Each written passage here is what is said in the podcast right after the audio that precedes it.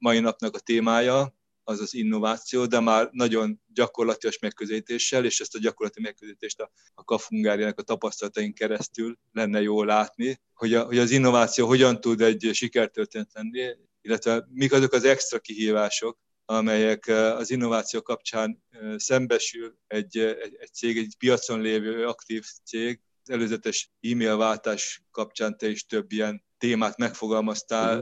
Egészen onnantól, hogy a szervezeti kultúra, egészen odáig, hogy a piac, amelyik elkezdi klónozni az, inno- az innovációt, és megjelenik akár már másnap egy ilyen, ilyen dologgal, és hogy a, maga az innováció, az meddig lehet versenyelőny, illetve az innovációnak hogyan és milyen formában lehet szerepe fenntartható, sikeres működésben.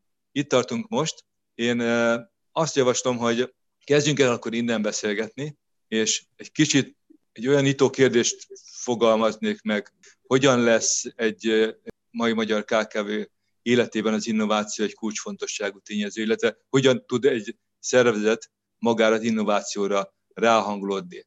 Miért tudja közvetíteni a munkatársak felé is, hogy kollégák nincs más útja fenntartható, sikeres működésnek, mint hogy innováljunk, innováljunk, innováljunk.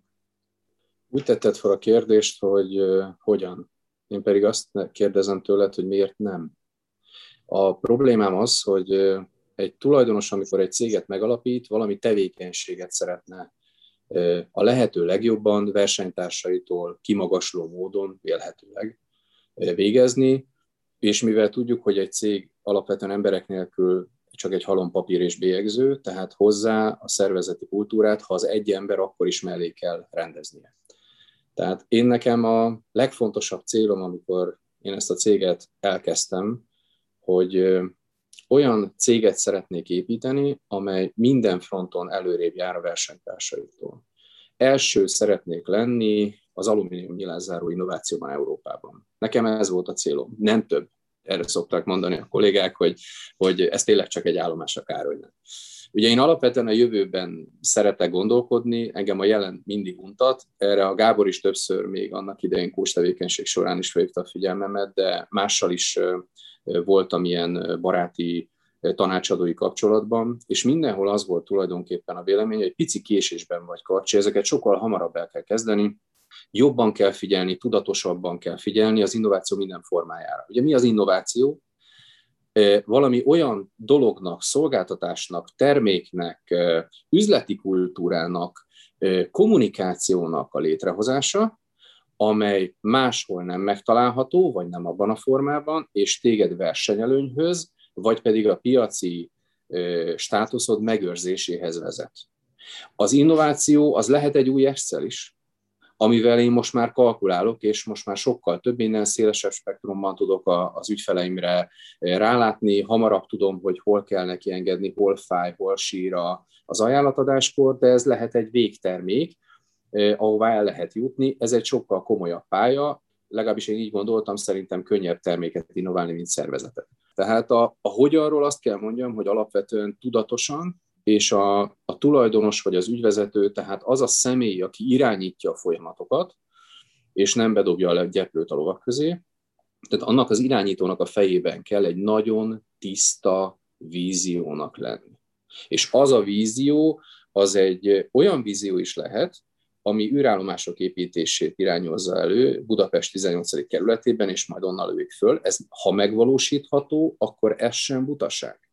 Bocsánatot kérek, nézzük meg a tech cégeket, hogy honnan és miből nőttek ki, hová. Ugye kell egy csapat, mondja a közmondás, én pedig azt mondom, hogy inkább kell egy ötlet. Tehát a vállalkozás, amikor kényszeresen próbál valamit csinálni, az soha nem lehet olyan hatékony, és most nem az anyagi hatékonyságról beszélek, hanem az üzleti hatékonyságról, mert ezt a kettőt külön kell választani.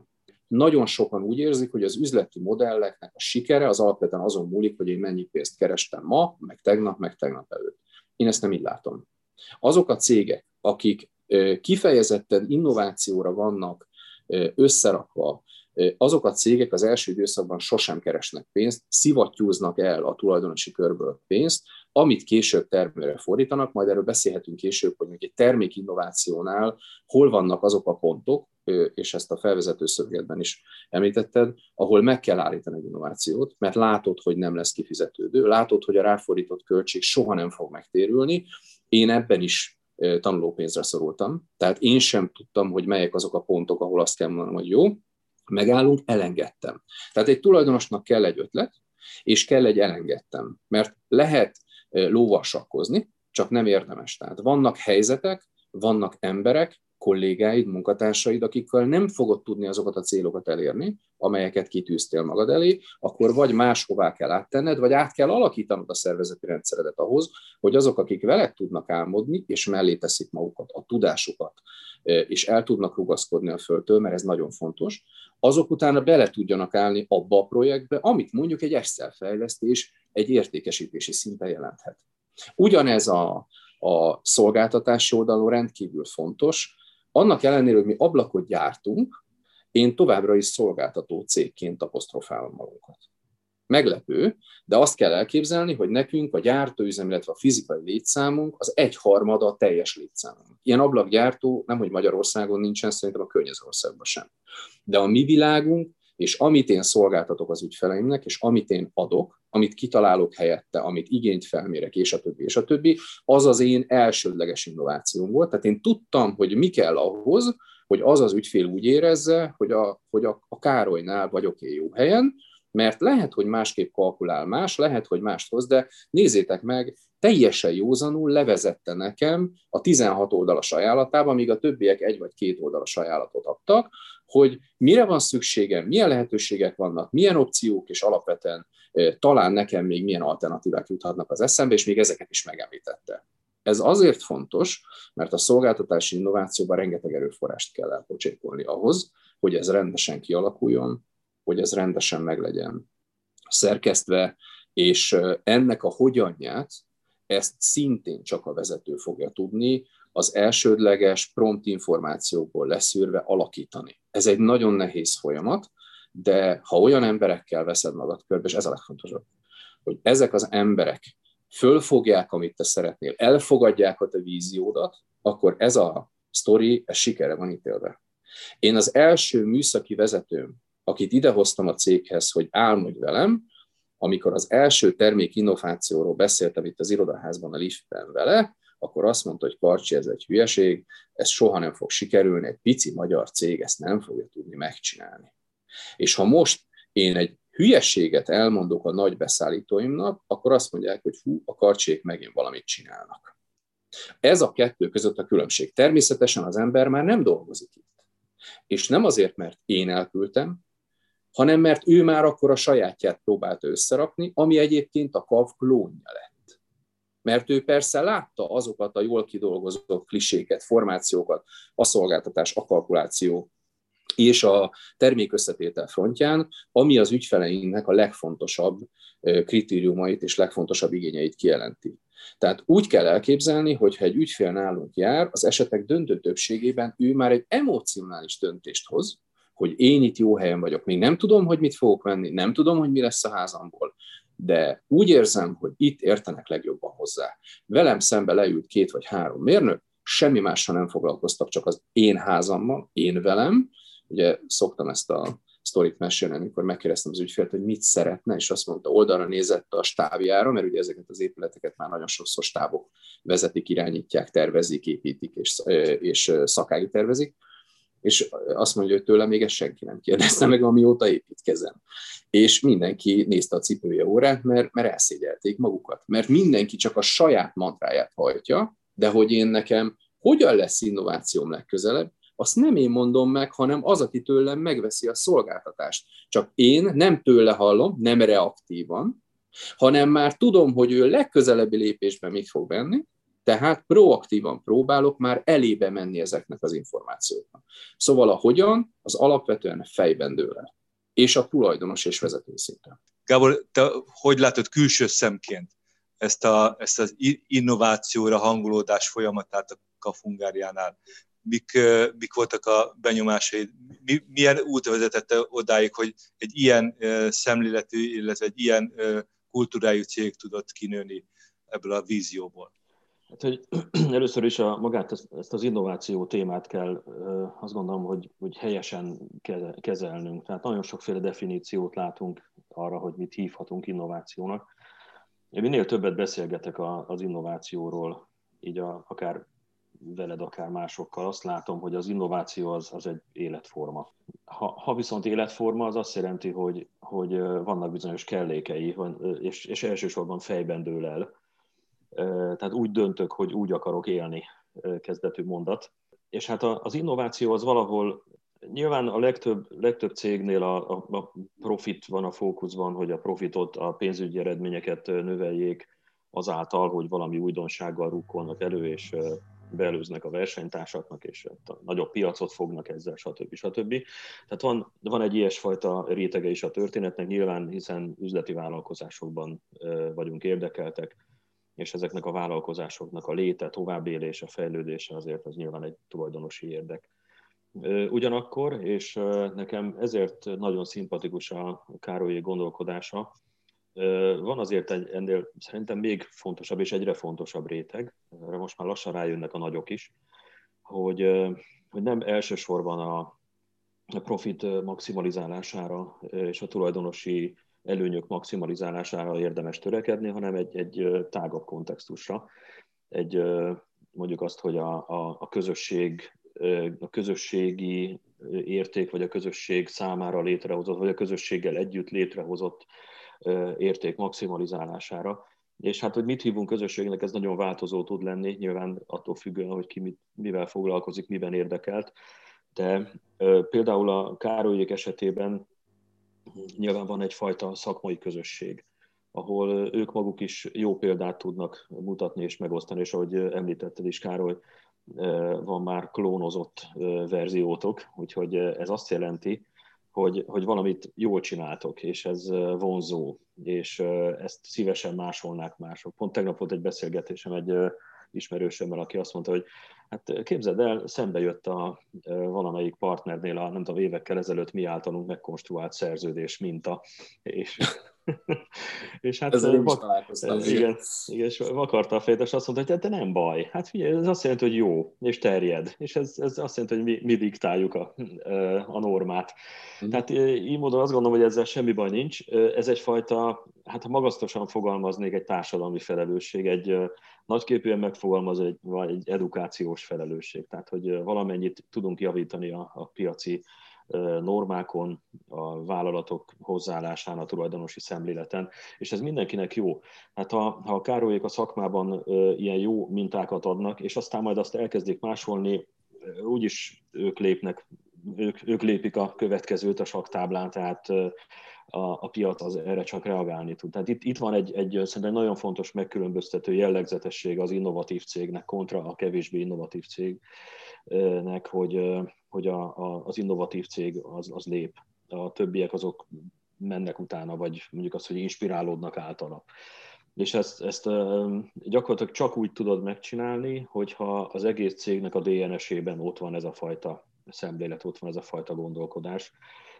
És hát nyilván majd Károly erről fog beszélni, hogy a, az ő sztoria ilyen szempontból milyen, hogy kik vannak most vele, kikkel kezdte hogyan változott a csapat, és miért változott a csapat, de azt, azt látom, hogy ott igazából egy olyasfajta mondjuk ilyen hosszú távon stabilizálódási folyamat figyelhető meg a szervezetben, ami kifejezetten azt, azt a ki nem mondott célt tűzi ki, hogy olyan emberek legyen, legyenek együtt ebben a csapatban, akik hasonlóképpen gondolkoznak akár az innovációról, akár az üzletről és ebben nem kell a karesznak erőszakosnak lenni, egész, egész egyszerűen csinálni kell, inspirálni a többieket, és a többiek veszik az adást, és elkezdik érezni, hogy jó helyen vannak ebben a csapatban, vagy nincsenek jó helyen ebben a csapatban. És ugye tudunk, tudsz majd példát mondani, aki emiatt magától elment, és mondjuk a, a csapati módon fellélegzett. És ez egyáltalán semmi baj nincs ezzel, az az illető is a helyére kerül egy más közegben. Tehát valahol, valahol én ezt a, ezt a fajta kritériumrendszert látom, hogy legyen egyfajta kultúra, legyen egyfajta szemléletmód, egy életforma, és ez, ezt mondjuk minden nap gyakorolni kell. Minden nap folyamatosan megújítani a, a gondolkodást. Az előkészítésnél éppen tőled jött ez a, ez a kifejezés, hogy gondolt, hogy az innováció evolúciója. Igen. Szeretem belül. Tehát, hogy, hogy ez egy folyamatos érési folyamat feltételezhetően. Te ezt, hogy, hogy élted meg ezt, a, ezt az evolúciós folyamatot a Kafungárián belül? Egy, egy alapszintű vagy nulladik szintű fázisból, hogy kerül egy egyre magasabb szintű állapotba, evolúciós állapotba az innováció és ennek kultúrája ez egy rögös út. Mi tagadás, ez egy rögös út. Hagy reflektáljak egy mondattal, amit a Gábor elmondott, mert az innovációra, erre a motorra csak akkor ülj fel, ha hajlandó vagy menet közben tankolni a továbbiakban. Mert ha megállsz, kitámasztod, és azt mondod, hogy bemész egy kávéra, akkor pillanatok alatt utolérnek.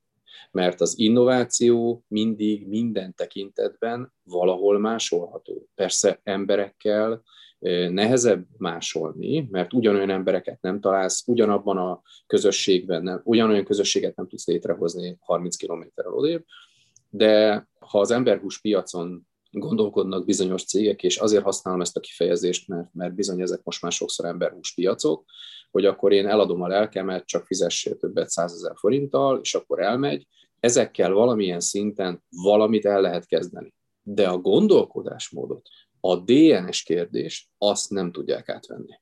Tehát azért másolás a másolás, és a, a, a, az innovációnak azért kell evolu, evolúcióban folyamatosan leredzenie, mert hogyha én megállok egy pillanatra, akkor látok egy állapotot, hátradőlök, de mind a szervezetben, a szolgáltatásban és a termékekben is kettő és fél perc alatt utolérnek. És ahogy az ügyfél azt látja, hogy ezt valaki olcsóbban megteszi ugyanazt, akkor azt fogja megmenni. És nekünk, akik innovációban gondolkodnak, erre nagyon kell figyelni. Ezzel a motorról nem lehet leszállni, mert minden, ami van, az csak egy állapot. Azért rögös az út, mert egyrészt nem hisznek neked, amikor elindulsz, főleg nulla forinttal. Tehát én egy pici mínuszból indultam, és, és abból a mínuszból az ötlettel elindultam és csináltam egyik másik után kitaláltam, hogy hogyan lehetne másképpen csinálni ezt, és jobban, kicsiszoltabban, cizelláltabban, és az ügyfél számára könnyebben érthetően, amit mi teszünk. Létrehoztam erre tulajdonképpen egy menürendszert, amiből az ügyfél választhat, ezt máshol nem tették, és ebben a kontextusban a régi kollégák, akik a régi iskolákban nevelődtek, Egyébként főleg azt kell mondjam, az idősebb korosztály erre nem reagált jól. 20 éve így csináljuk, mindig így volt, nem értem, hogy minek kell variálni. Régen is ezt összeraktuk így, és akkor nem volt gond. Igen, de te most a kavnál vagy. Akkor, akkor, akkor máshova kell menned, ha te a régit akarod csinálni. Én olyat szeretnék, amit más nem csinált még, mert én tudom, hogy ha csak ugyanazt csinálom, amit a többiek, akkor egy leszek a sok közül. Így meg nem mindegy, hogy az én hátamat nézem, vagy a versenytársam tomporát. Én ezt mindig így szoktam a kollégáknak fogalmazni, de még egyszer mondom, ez csak egy állapot. Nagyon nehezen váltottam. Tehát az első időszakban a cégben lévő emberek, akik egyébként a mi innovációnkkal edukálva is lettek, és utána a beszállítók, mikor rájöttek, hogy nem tudjuk, hogy mitől működik Karcsi, de most elkezdünk téged támogatni, mert minket egykor is ufónak néztek, tehát föl se vették a telefont, azt mondták, hogy ez egy butaság, amit kitaláltam. Tehát ez nem fog működni. Ugye mi voltunk az elsők, akik családi házba alumínium nyilászárót, kifejezetten alumínium nyilászárót ajánlott, gyártott. És Magyarországon a prémium szegmensben a fa, illetve a PVC-nek a teteje volt igazából a prémium, vagy pedig kintről, külföldről behoztak német nyelvterületről jó minőségű termékeket. És én azt mondtam, hogy ezt meg tudom Magyarországon csinálni, a meglévő standard anyagokból is csak kell hozzá gógyi, kell hozzá ötlet, és ezt az ötletet el kell tudni adni. Én most is egyébként inkább kalmának tartom magam, mint műszaki embernek. Én ezt el szoktam mondani az ügyfeleknek, hogy legyenek ezzel tisztában, mert én azt vizsgálom, hogy hogyan tudok eladni, és az alapján alakítom a cégemet a belső folyamatok szerint. Mind az emberi erőforrás, mind a technika, mind pedig a, a termésstruktúra tekintetében. Szóval ott tartunk, hogy nehezen váltottam. Akik ott dolgoztak mellettem, együtt voltunk egy vagy két éve, küzdöttünk, mint csiga a sárba, próbáltunk, amit csak lehetett összerakni, és akkor őtőle váljak, mert látom, hogy nagyon nehézkes. Látom, hogy 60%-ot csinál. Ugye ez egy mutyi ország, mutyi emberekkel, ezt el szoktam mondani ebben a szakmában. Tehát a nyilázáró szakma a maszekolásnak a, a non plus ultrája Európában. A magyar nyilázárósok java része valamilyen másodállás, harmadállás, negyedállás csinál úgy, hogy a meglévő munkájára nem tud tisztességesen koncentrálni. Én ezt megfordítottam, és azt mondtam, hogy vagy itt dolgozó pajtás, vagy nem de eddig nekem el kellett jutnom 7 év alatt. Tehát nem olyan könnyen váltok embert, én nagyon nehezen váltok olyan embereket, akikkel minden bizalmamat, én nagyon bizalom adó ember vagyok. Tehát én, ha valaki idejön, akkor, akkor full. Tehát nézzük meg, mit tudsz, nézzük meg, hogyan csinálod, aztán persze kiderül, hogy mennyit hazudott magáról, mennyit gondolt magáról, amit aztán nem tudott megugrani lovat. A bizalom az nagyon fontos, amikor bekerülök egy szervezetbe, mert akkor fogok tudni ki, ki, kivirágozni. És ezért az a hagyományos piramisépítési modell, amiben egyébként a nyílászárós kategória is leledzik, meg egyébként sok más gyártóipari történet, aki multi kategória, arra én egyszerűen nem tudtam azt mondani, hogy ez működőképes, ezért a, a, a, a piramist elkezdtem szétszeletelni, és egymás mellé lerakosgatni, és megpróbáltam egy hálózatos modellben dolgozni. Hát volt ellenállás. Tehát az, ami szembeszeletén kaptam, urak, az, azt nem tudjátok elképzelni. Én minden voltam, csak jó gyerek nem. Hogy ő miért nem, és én miért igen, és miért nem engem nevezték vezetőnek, ment a könyökölés, stb. Ezek egy idő után, hogy na, nem tudom megcsinálni, amit szeretnék, akkor elmentek, és az az érdekes, tényleg vicces, hogy van olyan kolléga, aki a szemembe sem mert nézni, és úgy mondott fel mikor én külföldön voltam, és utána nem jött, nem, nem találkoztunk két hétig vagy három hétig, nem mert a szemembe nézni.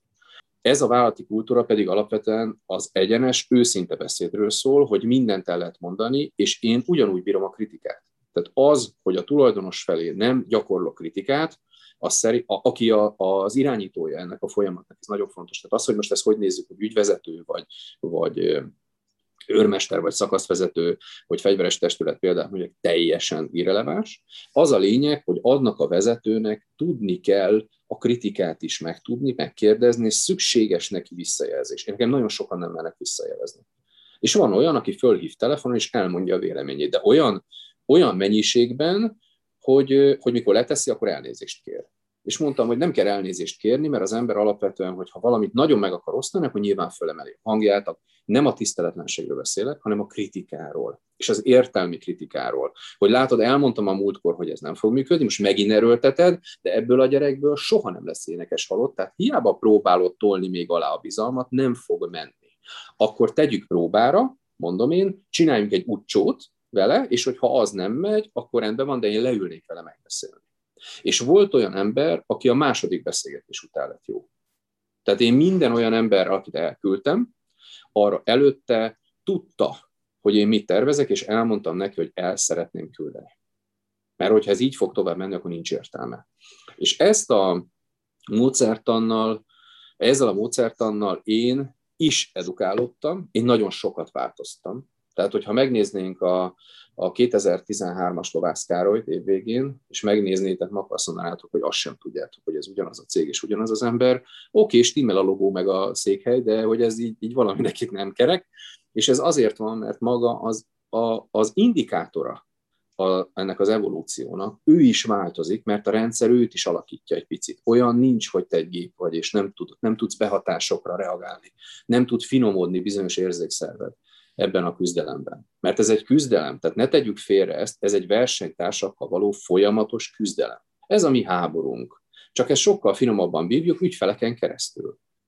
A kollégáknak meg kell érteni, hogy azért minden, minden a szabadság, meg tök jó a hálózatos működés, de gyerekek ki kéne szolgálni ezt az ügyfelet. Tehát abban a határidőben, amit megígértünk, abban a formában, amit megígértünk, és ha elrontottátok, akkor visszamegyünk, és addig csináljuk, amíg ez kész nem lesz. Ezt nagyon becsüljük bennünk.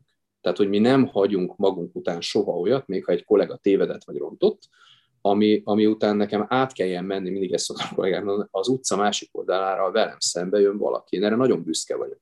Beszállítókkal is így volt, ha nem dolgozunk tovább, én kifizetem, és megmondom, soha többet. Never ever. Kész. Az innováció pedig mert ez a legfontosabb egy, egy, szerintem egy cég működésében, hogy az hogyan van a kollégák fejébe csepegtetve, kollégánként is változnia kell. Nem terhelhetek rá egy olyan emberre jelentős innovációs lépésekhez, akik erre nincsenek fejben felkészülve. Nekik is aklimatizálódni kell. El lehet, hogy el fog telni három év. Én, én több bizalmat adok, mint a kollégák, a régi kollégák mondják most, akikkel elkezdtem, és ők kiváló innovátorok lettek, hogy ő róla már látom. Tehát megint, megint megszédített, és behízelekte magát, és te megint adtál neki lehetőséget, de látom, hogy kutyából nem lesz szalonna. És az a vicces, amikor én coachtól hallottam, és volt nálunk ugye vállalati vitalitásmérés, Gáborral is voltak beszélgetésem, én abban nagyon sok konklúziót levontam. Mindenben igaza volt mindenkinek. Tehát az, hogy ki a kitermeli a toxint a cégen belül, mert, mert vannak toxintermelők minden cégben. Nem véleményekről, véleményvezérekről beszélek, toxintermelőkről, akik akkor is állandóan hátráltatják az innovációt, hogyha kék, kék az ég, és, és süt a nap kint, és már jó kedvednek kéne lenni, és már nem kell maszkolni, ő még akkor is dúli Tehát, hogy ezek a toxintermelők nagyon veszélyesek. A kiégés, akkor a, a, az Investors in People-nél meg, meg, megtapasztalt, az ő rendszerükben megtapasztalt szervezeti felépítés, az egymás alárendezés, hogy ki kivel tud jól együtt dolgozni. Valóban csak a piramis rendszer működik-e, vagy hálózatos modellben is tudunk működni, ez, ez, ez évek alatt jön meg egy ember fejébe. És én is, én is edukálódtam a céggel együtt. És keményedtem, ezt meg kell mondanom, keményedtem, de nem adom föl. A szavaidat összegezett alapvetően a szervezeti kultúra fontosságáról beszéltél. Így van. A vezető, mint aki mintát ad, mint aki ötletet ad, és ezt kitart emellett, és de természetesen a külső tényezőkre reagálva, rugalmasan reagálva, mert hát, hogy igen, a, ez a nagyon hektikusan és nagyon gyorsan változó külső környezet, amiben, amiben mostanában élünk, az megköveteli azt a korábbi beszélgetésben szóba került ez az agilis működés. Gábor, szerinted az agilitás és a KAV hogyan van köszönő viszonyban egymással? Hát ahogy látom, és így hallgatva Károly összefoglalóját, az a, valahogy úgy keretezném ezt az egész sztorit, hogy ha valaki agilis, innovatív szeretne lenni, tehát rugalmasan közelíteni a kihívásokra, sőt egy picit pár lépéssel járni a többiek előtt, akkor ennek azért vannak fontos kellékei, ami, ami itt a Fungáriánál elég, elég jól teljesülnek. Az egyik ilyen, amit Károly sűrűn emleget, az a hálózatos berendezkedés, ami ugye semmi más nem jelent, mint azt, hogy egymás mellé rendelődünk inkább, tehát van egyfajta partnerség, felnőtt emberként tekintünk egymásra, és úgy is szólunk egymáshoz, úgy is várunk el egymástól dolgokat, úgy vonjuk be egymást problémák megoldásába, kicsit magasztosabban fogalmazva álmok megvalósításába. Mm. Tehát ez egy nagyon fontos dolog, hogy ebben mindenki ugyanazon a szinten legyen gondolkodásban, hozzáállásban, ne legyen ez a fajta félelem, félelem kultúra, hogy nem merek a másikhoz szólni, nem merek kérdezni, nem merek hibázni. Ugye ha valaki nem mer hibázni, ez azt jelenti, hogy inkább nem csinál semmit, vagy nem vállalkozik semmire, mondjuk azt. Úgyhogy ez a nagyon fontos a másik kritérium, hogy ez a fajta vállalkozó szellem mindenkiben ott legyen. Tehát hálózatosság, vállalkozó szellem és a transzparencia, ami tulajdonképpen ezt az egészet össze, összeköti valahogy, összefűzi, hogy belelátunk egymás kártyáiba, merünk segítséget kérni, tudunk is egymásnak segíteni, és akarunk egymásnak segíteni. Ez, ez általában a, a hierarchikus szervezeteknél ez nagyon, nagyon bugdácsol. Tehát ott, ott ez a klasszikus Weberi bürokrácia van a, a hierarchia mögött még mindig, amit egyébként viszonylag könnyű menedzselni, hiszen egy, egy jól felprogramozott szervezetről van szó, nagyon primán definiált szerepekkel, folyamatokkal, aláfölé viszonyokkal, döntési hatáskörökkel, és ez az, ami a, tulajdonképpen a nagy szervezeteket jól mozgatja bizonyos határig, de ha már nagyon innovatívnak kell lenni, az azt jelenti, hogy ki kell a dobozból tekinteni, dobozon kívül, kívüli megoldásokat keresni. És ez az, amire a klasszikus nagy szervezetek nem alkalmasak. Ezért is van az, hogy nagy szervezeteken belül is ilyen kis organikus szigeteket képeznek a, a K plusz F innovációs központok, ahol már kicsiben gyakorolják, mint egy ilyen vegykonyhában gyakorolják ezt a fajta hálózatos berendezkedést, gyakorlatilag mintha egy teljesen más céggel lenne dolgunk egy ilyen, egy ilyen kis szervezeti egységben. Úgyhogy én, én azt látom, hogy az innovációnak ezek a nagyon fontos környezeti és szervezeti kellékei a Károly szervezetében, csapatában elég jól megvannak. Tehát ezt, ezt jól ösztönből, saját nem csak kudarc és sikerélmények szintéziséből Károly nagyon ügyesen összerakta. És azt gondolom, hogy, hogy egy picit ugye a jövőbe is tekintve, azt gondolom, hogy nagyon-nagyon erős muníciója van ahhoz, hogy a, a jövőt is sikerrel ugorja meg. Hát ez egy, ez egy nagyon jó csomag így együtt, és ez egy nagyon fontos üzenet lehet másoknak is, hogy uh, hogyan, hogyan implementálnak ilyesfajta gondolkodást, hogyan engedjenek el uh, hierarchikus uh, ügyeket, berendezkedéseket, és uh, hogyan higgyék el, hogy azért így is lehet működni, hogy ez nem káosz lesz, hanem ez valójában a siker receptje. Károly, említetted, hogy a motort nem szabad letámasztani, és nincs idő kávézásra lehet azt mondani, hogy ez egy ilyen never ending story, uh-huh. ez, ez, ez az innováció. Hogy lehet a tüzet kollégákban a tüzet folyamatosan a maximumon tartani? Mi az a, mi az a, mi az a kulcs, amit, amit, ami szükséges ahhoz, hogy ez, ez, ez mindig meglegyen ez a tűz, mindig meglegyen ez a lelkesedés, mindig a maximumot lehessen kihozni a kollégák kreativitásából. Tudjuk, hogy vannak hullámegyek, hullámvölgyek, vannak különböző olyan állapotok, amelyek nem igazán kedveznek ennek. Éppen ma hallgattam egy GFK felmérést, amely például éppen a nyílászáró piacán egy ilyen drasztikus 20%-os visszaesésről számolt be. Ilyen esetben is most gondolok a pandémiára. Ez a, ez a tűz, ez hogyan tartható fenn? Két egyszerű szó. Mintát mutatsz. Tehát ha rajtad nem látják azt, amit te belül érzel, és ha egy jottányit is ez a sztori visszaemlép benned, akkor ezt a kollégák többszörösében fogják lereagálni. Mert akkor ezt a tüzet nem fogja látni nálad egy felvételi elbeszélgetésen egy potenciális kolléga, tehát a bevonzódási, bevonzási képességed jelentősen fog csorbolni, hogyha ha nem látják a tüzet az új kollégák, akár fizikai, akár szellemi, akkor úgy érzik, hogy egy lehet másképp is. Hát olyan magyarosan, tudod. Tehát úgy megy ez, megyeged gyerekek. Hát bemegyünk, hazamegyünk, megisszuk a kávét, de azért hamarabb ki kéne menni, mert a busz mindjárt indul, és akkor, tehát ez a magyar virtus. Én el szoktam mondani olyan körben egyébként, ahol nagyon sok fizikai van, hogy, hogy azt kell belássátok, hogy ha, ha, mi meg, ha, ha meg tudták csinálni 1945-től 1960-ig azt Németországban, amit megcsináltak, ha fölépítjük az országot, az átvesszük az ipart, a piacot, a termelést, a beszállítói láncokat és minden egyebet, és még ezt meg is tudja tartani, akkor Magyarország ennyi gógyival meg szürkállományal szerintetek mire lenne képes, ha tisztességesen elkezdenénk húzni azt a nyomorult szekeret? Tehát a problémám az az, hogy egyrészt, amit hoznak a kollégák máshonnan, azok sokszor nagyon rossz reflexek. Sokszor nem értik, hogy én miért tolom, és akkor igen, én zárok be este legkésőbb az irodába. Igen. Éppen csak hazaérek 8 óra előtt. Igen.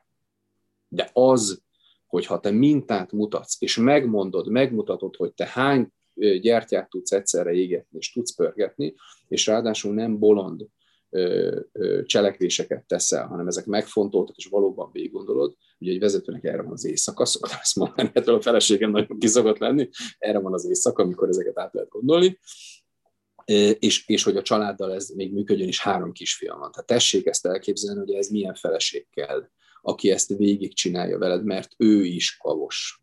Tehát el szoktam mondani, hogy a kavnak azért narancs a mert vérből és izzadságból áll.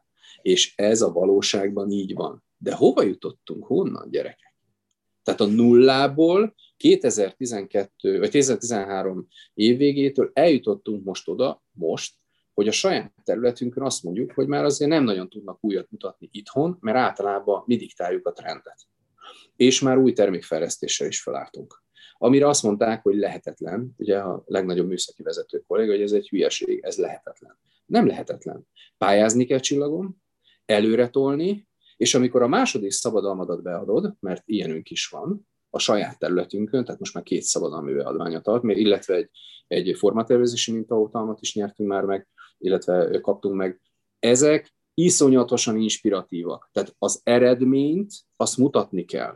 Tehát egyrészt mintát mutatsz, másrészt meg az eredményeket a fiúknak, lányoknak látni kell. Sajnos nagyon kevés a nő a szakmányban, nagyon szeretnék több nővel dolgozni.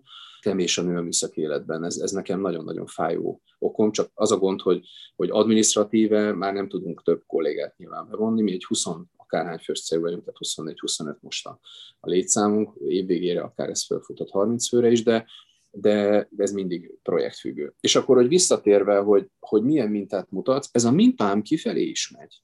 Tehát amikor te például egy ügyféllel beszélgetsz, az ügyfél csak a mozdulataidon érzi, hogy ez a csávó, ez nem babra játszik. Tehát ez pontosan tudja, hogy mit akar, mit csinál. És ezt nem egy 4 milliós órával éri el, nem egy felső kategóriás autóval, meg én nekem egy Toyota van.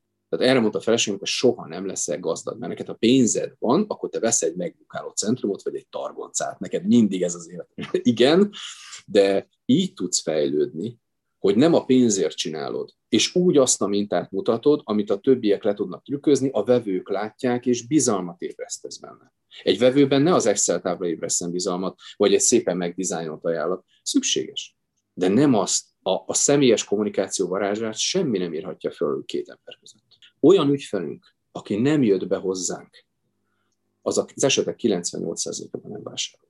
Tehát a személyes kontaktus az életbevágóan fontos. Mondok még egy példát, csak hogy a, a hallgatóknak egy, egy kicsit keményebb példával is előjöjjek. Az izlandi munkánk. Izlandon a KAV építette a sziget egyetlen, az ország egyetlen ötcsillagos szállodának a homlokzatát. Mi ezt a munkát nem nyertük, hanem kaptuk szinte, mert idejöttek egy nagy pályáztatás keretében több magyar, illetve főleg cseh céggel próbálkoztak pályáztatni, és mi annyi innovációt, meg gondolatot, meg ajánlati verziót, meg kitaláltuk a menetrendet, meg az organizációt, meg mindent megcsináltunk, hogy azt mondták, hogy mi vagyunk a legdrágábbak, de ő nekik ez a biztonság, ez borzasztóan sokat jelent. Nem jöttek el az irodába, csak az üzembe mentek el. Tehát azt mondták, hogy őket nem is érdekli, mikor ide repültek, nem is érdekli az iroda őket, csak az üzembe elmennek, szeretnék megnézni, hogy mit csinálnak. Egy picike üzemünk volt akkor. 500 négyzetméter körül volt, volt egy-két gép, és, és elnyertük a munkát. És ez a munka csőd, vagy ez a megrendelőnk, aki egy izlandi cég volt, csődbe ment, a beruházó tovább minket. És befejezzük az épületet. Ez egy közel 700 milliós projekt volt. Magyarországról nem, hogy ablakot nem vittek ki eddig, hanem nem egy ötcsillagos épületre és nem 380 km per órára méretezett szélállóságú terméket vittek ki, komplet falakat. Tehát ilyen termékekkel, vagy ilyen igénybevétele Magyarországon nem is számol. És mi, egy purutja kis magyar cég, aki előtte ennek az árbevételnek írdésmond kevesebb, mint a felét csináltuk akkor meg, beálltunk, és azt mondtuk, hogy hát ki, ha mi nem gyerekek? Hát ki fogja ezt megcsinálni? Vagy elmennek egy nagyhoz, mi? A fenét. Mi megoldjuk, megcsináljuk. És, és a kollégáimnak legyen mondva, úgy, hogy egyébként az izlandiak nem a szervezettségükről híresek, ők, a, ahogy kollégám mondta, ők a skandináv olaszok. Tehát így kell őket elképzelni. Tehát egy ilyen kicsit latinos nemzet a 330 ezer emberrel, azon a szigeten, viszont fantasztikus emberek, és ezt, ezt, ezt tagadhatatlan. Ők ahhoz szoktak hozzá, hogy szigetüzemük van. Kész. És másképp kommunikálnak, másképp beszélnek, ők ezt a magyar legyünk barátok történetet, ezt nem értették, tehát azt meg nem is értik, hogy mi miért írunk karácsonyra ilyen leveleket, meg mert miért biztosítom a támogatásomról, hogyha bármi gond lenne később. Nem értették, hogy amikor csődbe mentek, akkor hogy kommunikáltunk így. Mondtam, hogy miért, miért, mondtam a megrendelőmnek, miért üsselek meg? Hát ez csacsiság. Én te, te veled akarok dolgozni. Most van egy gazdasági helyzet, amit, amit leváz, e felvázoltál, hogy te miért jutottál ide, mi erről egyébként tudtunk korábban, tehát csepegtetve mindig kaptunk információt, és most majd újra életsz, és majd rendelsz, barátom.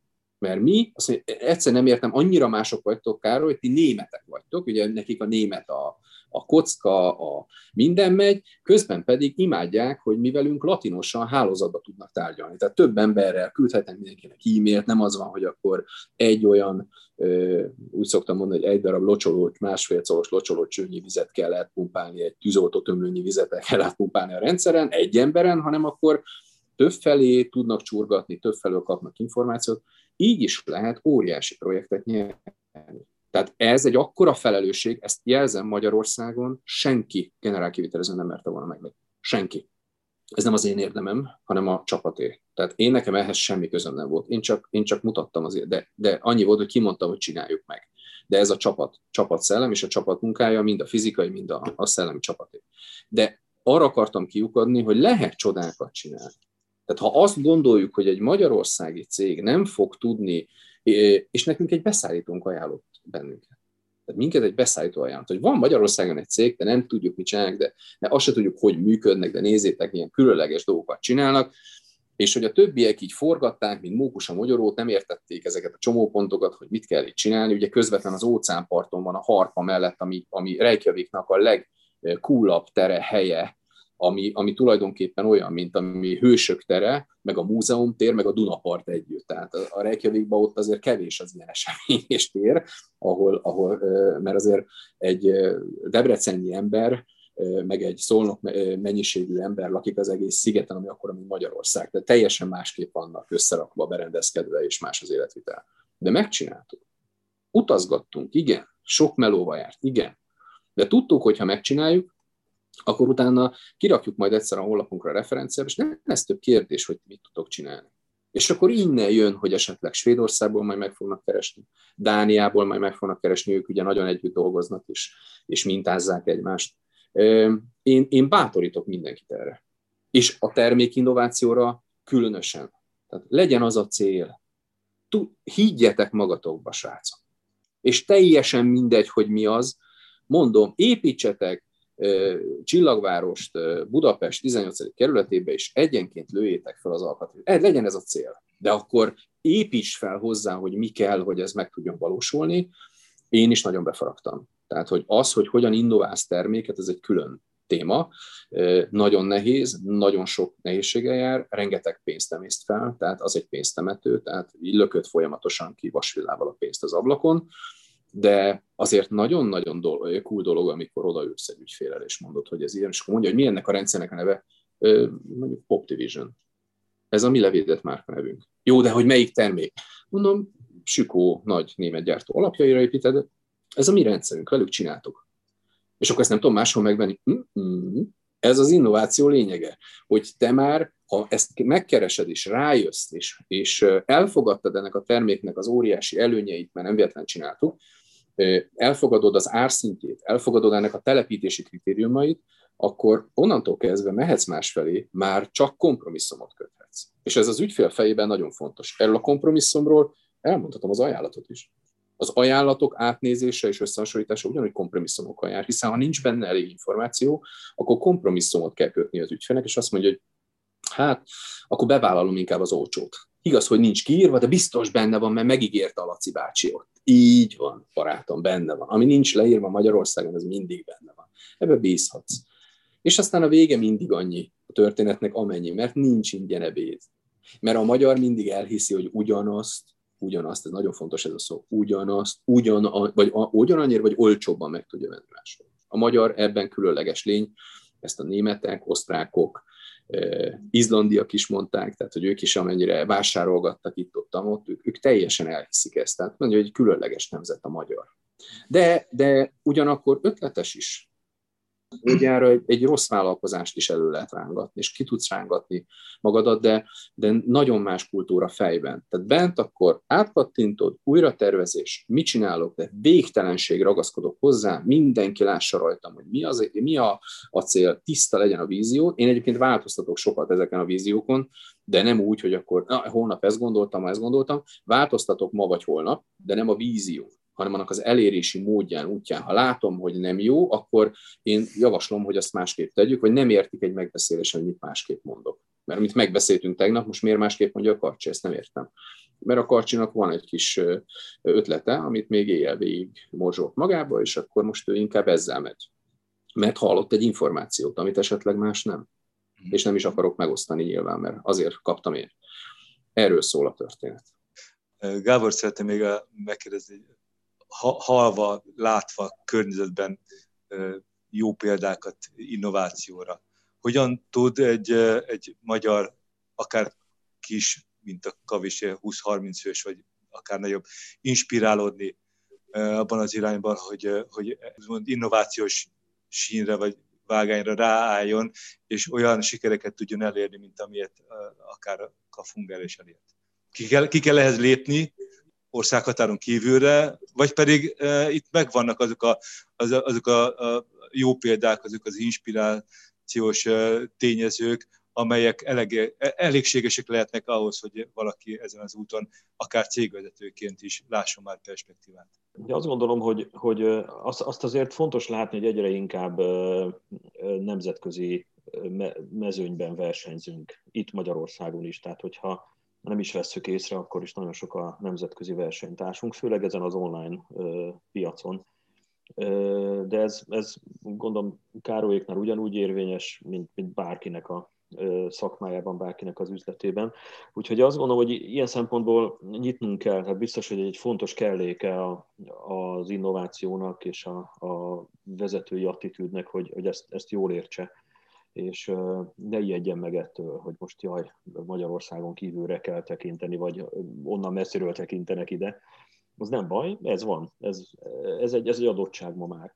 Nekem a, a Károly történetéből a, az egyik legfontosabb tanulság ez a, ez a mintaadás, a szerepminta, ami több, aminek megint csak több rétege van. Az első rétege nyilván befelé szól a, a szervezet tagjainak, az egész csapatnak, teljesen egyetértek azzal, amit Károly mondott, hogy, hogy ez egy megkerülhetetlen dolog. Tehát, hogy amit az, az, az alapító atya, vagy akár a, cég első számú vezetői, vagy első vonalbeli vezetői, amit mondanak, ahogy viselkednek, az egy, az egy mintaértékű dolog, azt, azt általában a szervezet követi.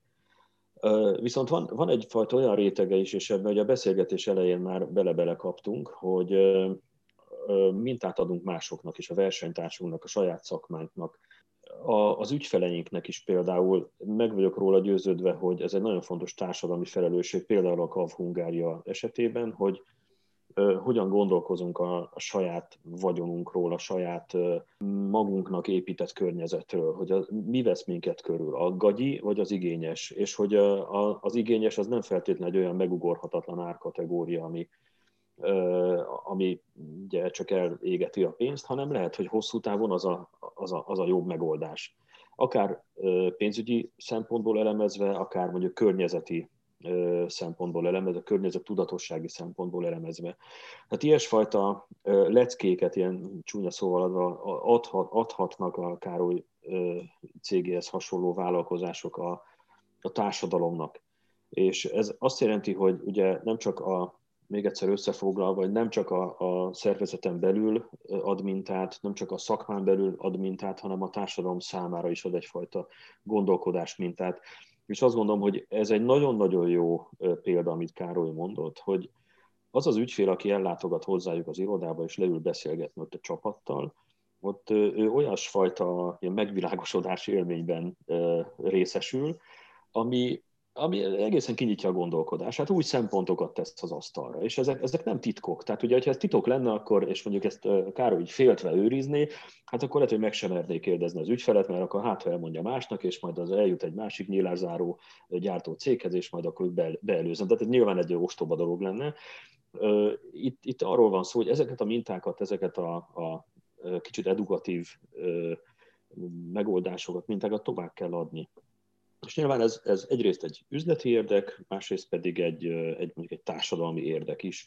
És én nagyon-nagyon hiszek abban, ilyen szempontból én javíthatatlan idealista vagyok, hogy a, az általános hazai üzleti kultúrának a javításáért is tennünk kell. És minden ilyen gesztussal, minden sikersztorival, ami, meg, ami, amit meg tudunk osztani, és köszönet neked Kálmán ezért a, ezért a szerepvállalásért, hogy ezeket a sztorikat megosztod. Tehát minden ilyesmivel adunk egy, egy-egy kapaszkodót azoknak, akik bizonytalanok. Innováljunk, ne innováljunk, hova tegyük a forrásainkat, amik egyébként elég csekélyek, hogyan vezessük a saját csapatunkat. Tehát, hogy, hogy ezek, ezek azt gondolom, hogy kapaszkodók és nagyon jó minták lehetnek, és erőt adhatnak másoknak, hogy azért ez nem egyen lehetetlen sztori. Akkor zárásként egy, egy lépést lépjünk hátra. Kell ezzel kezdeni, hogy kell egy nagyon határozott vízió, kell egy nagyon határozott küldetés. Gábor behozta itt a társadalmi felelősségvállalást. A ti, a KAF Hungária víziójában, vagy a te víziódban ez a dolog, hogy társadalmi felelősségvállalás valami, valamiért, ami a környezethez, ami a, a társadalmi szegmenshez kapcsolódik. Ez hogy jelenik meg a, a cégkultúrában, illetve hol fogalmazódik meg egy határozott felelősségvállalás a cég részéről kifelé, és nem feltétlenül csak szakmai oldalt tekintve. Ugye a cég egy külön jogi entitás. Ezt a magyar tulajdonosok mindig elfelejtik. Tehát, hogy ez a cég az enyém, a cég pénze az enyém. Voltam egyszer egy német-magyar üzleti fórumon, és azt mondta az egyik előadó, hogy tudják, mi a legnagyobb probléma a magyar KKV-kkal? És akkor mindenki hümmögött, és mondta, hogy az, hogy a magyar KKV-k eszközleltárában a legdrágább eszköz és gép a tulajdonos gépkocsija. És, és azt mondja, hogy úgy képzeljék el, hogy ez banki információból tudom, a nagy többsége így működik. A magyar KKV-knek. Meg kell egy autó. Így van, barátom, majd ha lesz rá pénzed, meg fölépítetted azt, amit szeretnél, akkor majd gondolkodtatsz ezen.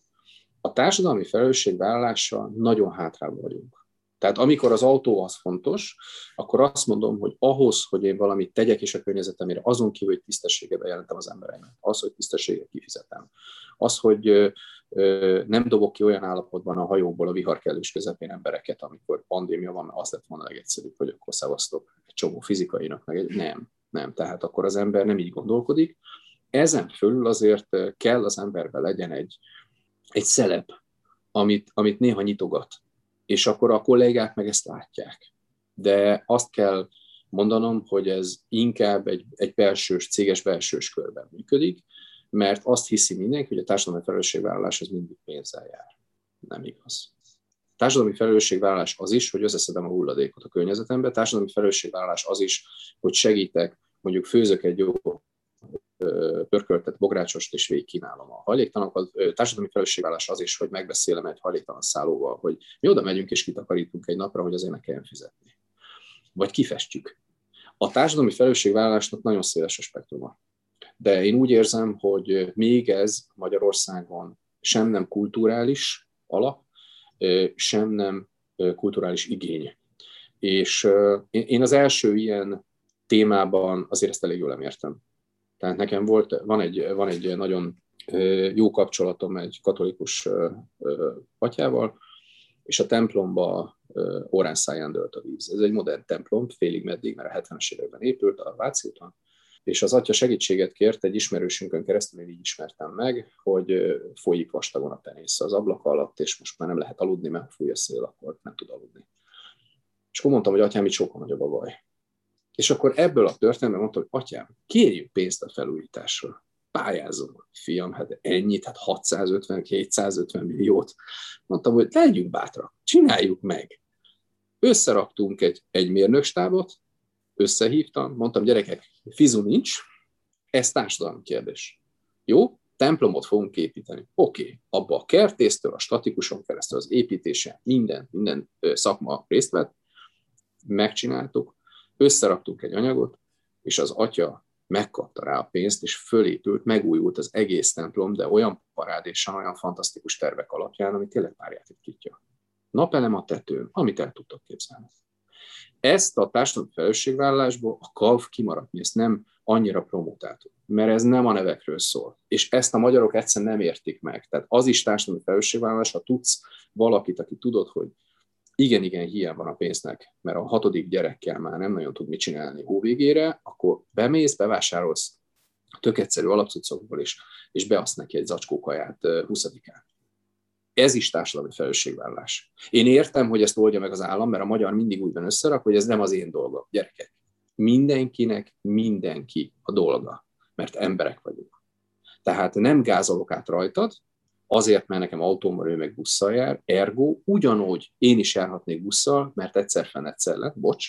Tehát az, hogy te mit teszel a környezetedért, a társadalomért, a a, az, az országban levő bármilyen társadalmi osztályért. Ez lehet egyébként egy iskolai történet, bármi. Olyan jó érzés. Tehát ezt nem hiszik el, hogy milyen egy templom avató ünnepségen ott lenni. Ez egy fantasztikus dolog. És most ez nem hídbéli kérdés, mert, mert ugyanúgy volt izraelita, reformált, mindenfajta féle vallású, ö, ö, nagy keresztény egyházas vallású ember volt ebben a csapatban. Nem volt az kérdés, hogy egy katolikus templomot segítünk a megújuláshoz. És nem kellett ott ácsorogni, hogy akkor szeretnék kérni egy kis alamizsnát, meg akkor nekem adjátok ezt. nem akart gyártott az ablakokat, uraim. Mert nem, nem vállaltam el. Megkeresett a generál, mondta, hogy nem, mi segítettünk. Kész. Csináljátok meg. Az ablakokat mi ellenőrizzük, mert gagyizni nem fogunk. Volt is probléma vele. Kicseréltettük, megoldottuk, mert mi találtuk ki, tudtuk, hogy mi kell de a társadalmi felelősségvállalás ebből a szempontból fontos, és ez higgyétek, egy tulajdonosi fejjel indul. Tehát, hogyha elkezded ezt a picikéket, akkor előbb-utóbb átragad, de nem mindenkire, mert máshol is látnia kell. A sógorával is látni kell, hova mentek szombaton. Megyünk a suliba kifesteni az osztálytermet. Hát de ne hülyeskedj, mert annyi adót. Figyelj, csillagom, ha szeretnéd, hogy egy gyereked jó körülmények között, akkor meg gyere te is. Hát mi, mi a problémád? Gyere el, hamarabb végzünk veszek egy láda sört, és megisszuk a végén ott az iskola udvaron, ezt megígért az igazgató. És kész. És tettem valamit, és úgy kelek föl vasárnap, hogy kinyújtozok, és azt mondom, hogy igen, név nélkül tettem valamit a világért. És nem azt várom megint, hogy nekem jöjjön valami, valamiért, mert mindenki cserélni akar. A másik, amit nagyon fontosnak mondok, hogy nagyon fontosként, és még reflektálni szeretnék a Gábornak a mondandójára, csak egy gondolat, ne féljetek a fluktuációtól mert a fluktuáció sokszor jó tud lenni. Ha olyan ember fluktuálódik, aki nem odavaló. Csak azt kell megtalálni, aki nem odavaló.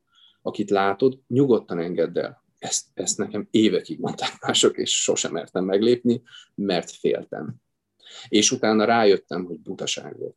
És minden, amit mondtak nekem, hogy milyen változások lesznek az, hogy azt, meg azt, meg azt az embert kirakom a cég, akkor működik. Előbb-utóbb úgy is elmegy, mert nem lesz komfortzónán belül, tehát rá fog jönni, hogy ez már nem az ő története, de az meg már annyi erőforrás le fog másokkal kötni esetleg, és sajnos így, kiváló kollégát darált le agyilag. Ez a, ez a, ez a folyamatos intrika és probléma, és probléma keresés, és ő ment el. Őt nagyon sajnálom azóta is. Háromszor hívtam vissza, hogy jöjjön vissza hozzánk dolgozni, és négy éve dolgozott nálunk egy évet. Kiváló szakember. És a fluktuáció jó, ha olyan ember megy el, akit érdemes fluktuáltatni. Köszönöm szépen nektek az elmúlt egy órás közös beszélgetést. Köszönöm Károlynak, hogy megosztotta a gondolatait, illetve a cégével kapcsolatos történéseket, tapasztalatokat, tanulságokat. Gábornak ismét köszönöm, hogy hozzászólásáival kiegészítette ezt a beszélgetést. Én megint élveztem nagyon ezt az egy órát, és hát a, remélhetőleg a későbbiekben ennek az anyagnak az elkészültét követően többen fogják majd ezt meghallgatva hasonló érzéseket érezni. Én a következő hetekhez, hónapokhoz, évekhez sok sikert kívánok Károlynak és a Kafungáriának. És hát bízom benne, hogy egyszer majd valamikor lehetőségünk lesz személyesen is találkozni, de, de addig is sok kihívás lesz, amit, amivel meg kell birkoznunk, és ehhez, ezekhez kívánok sok sikert számotokra. Köszönöm szépen. Köszönjük szépen még egyszer.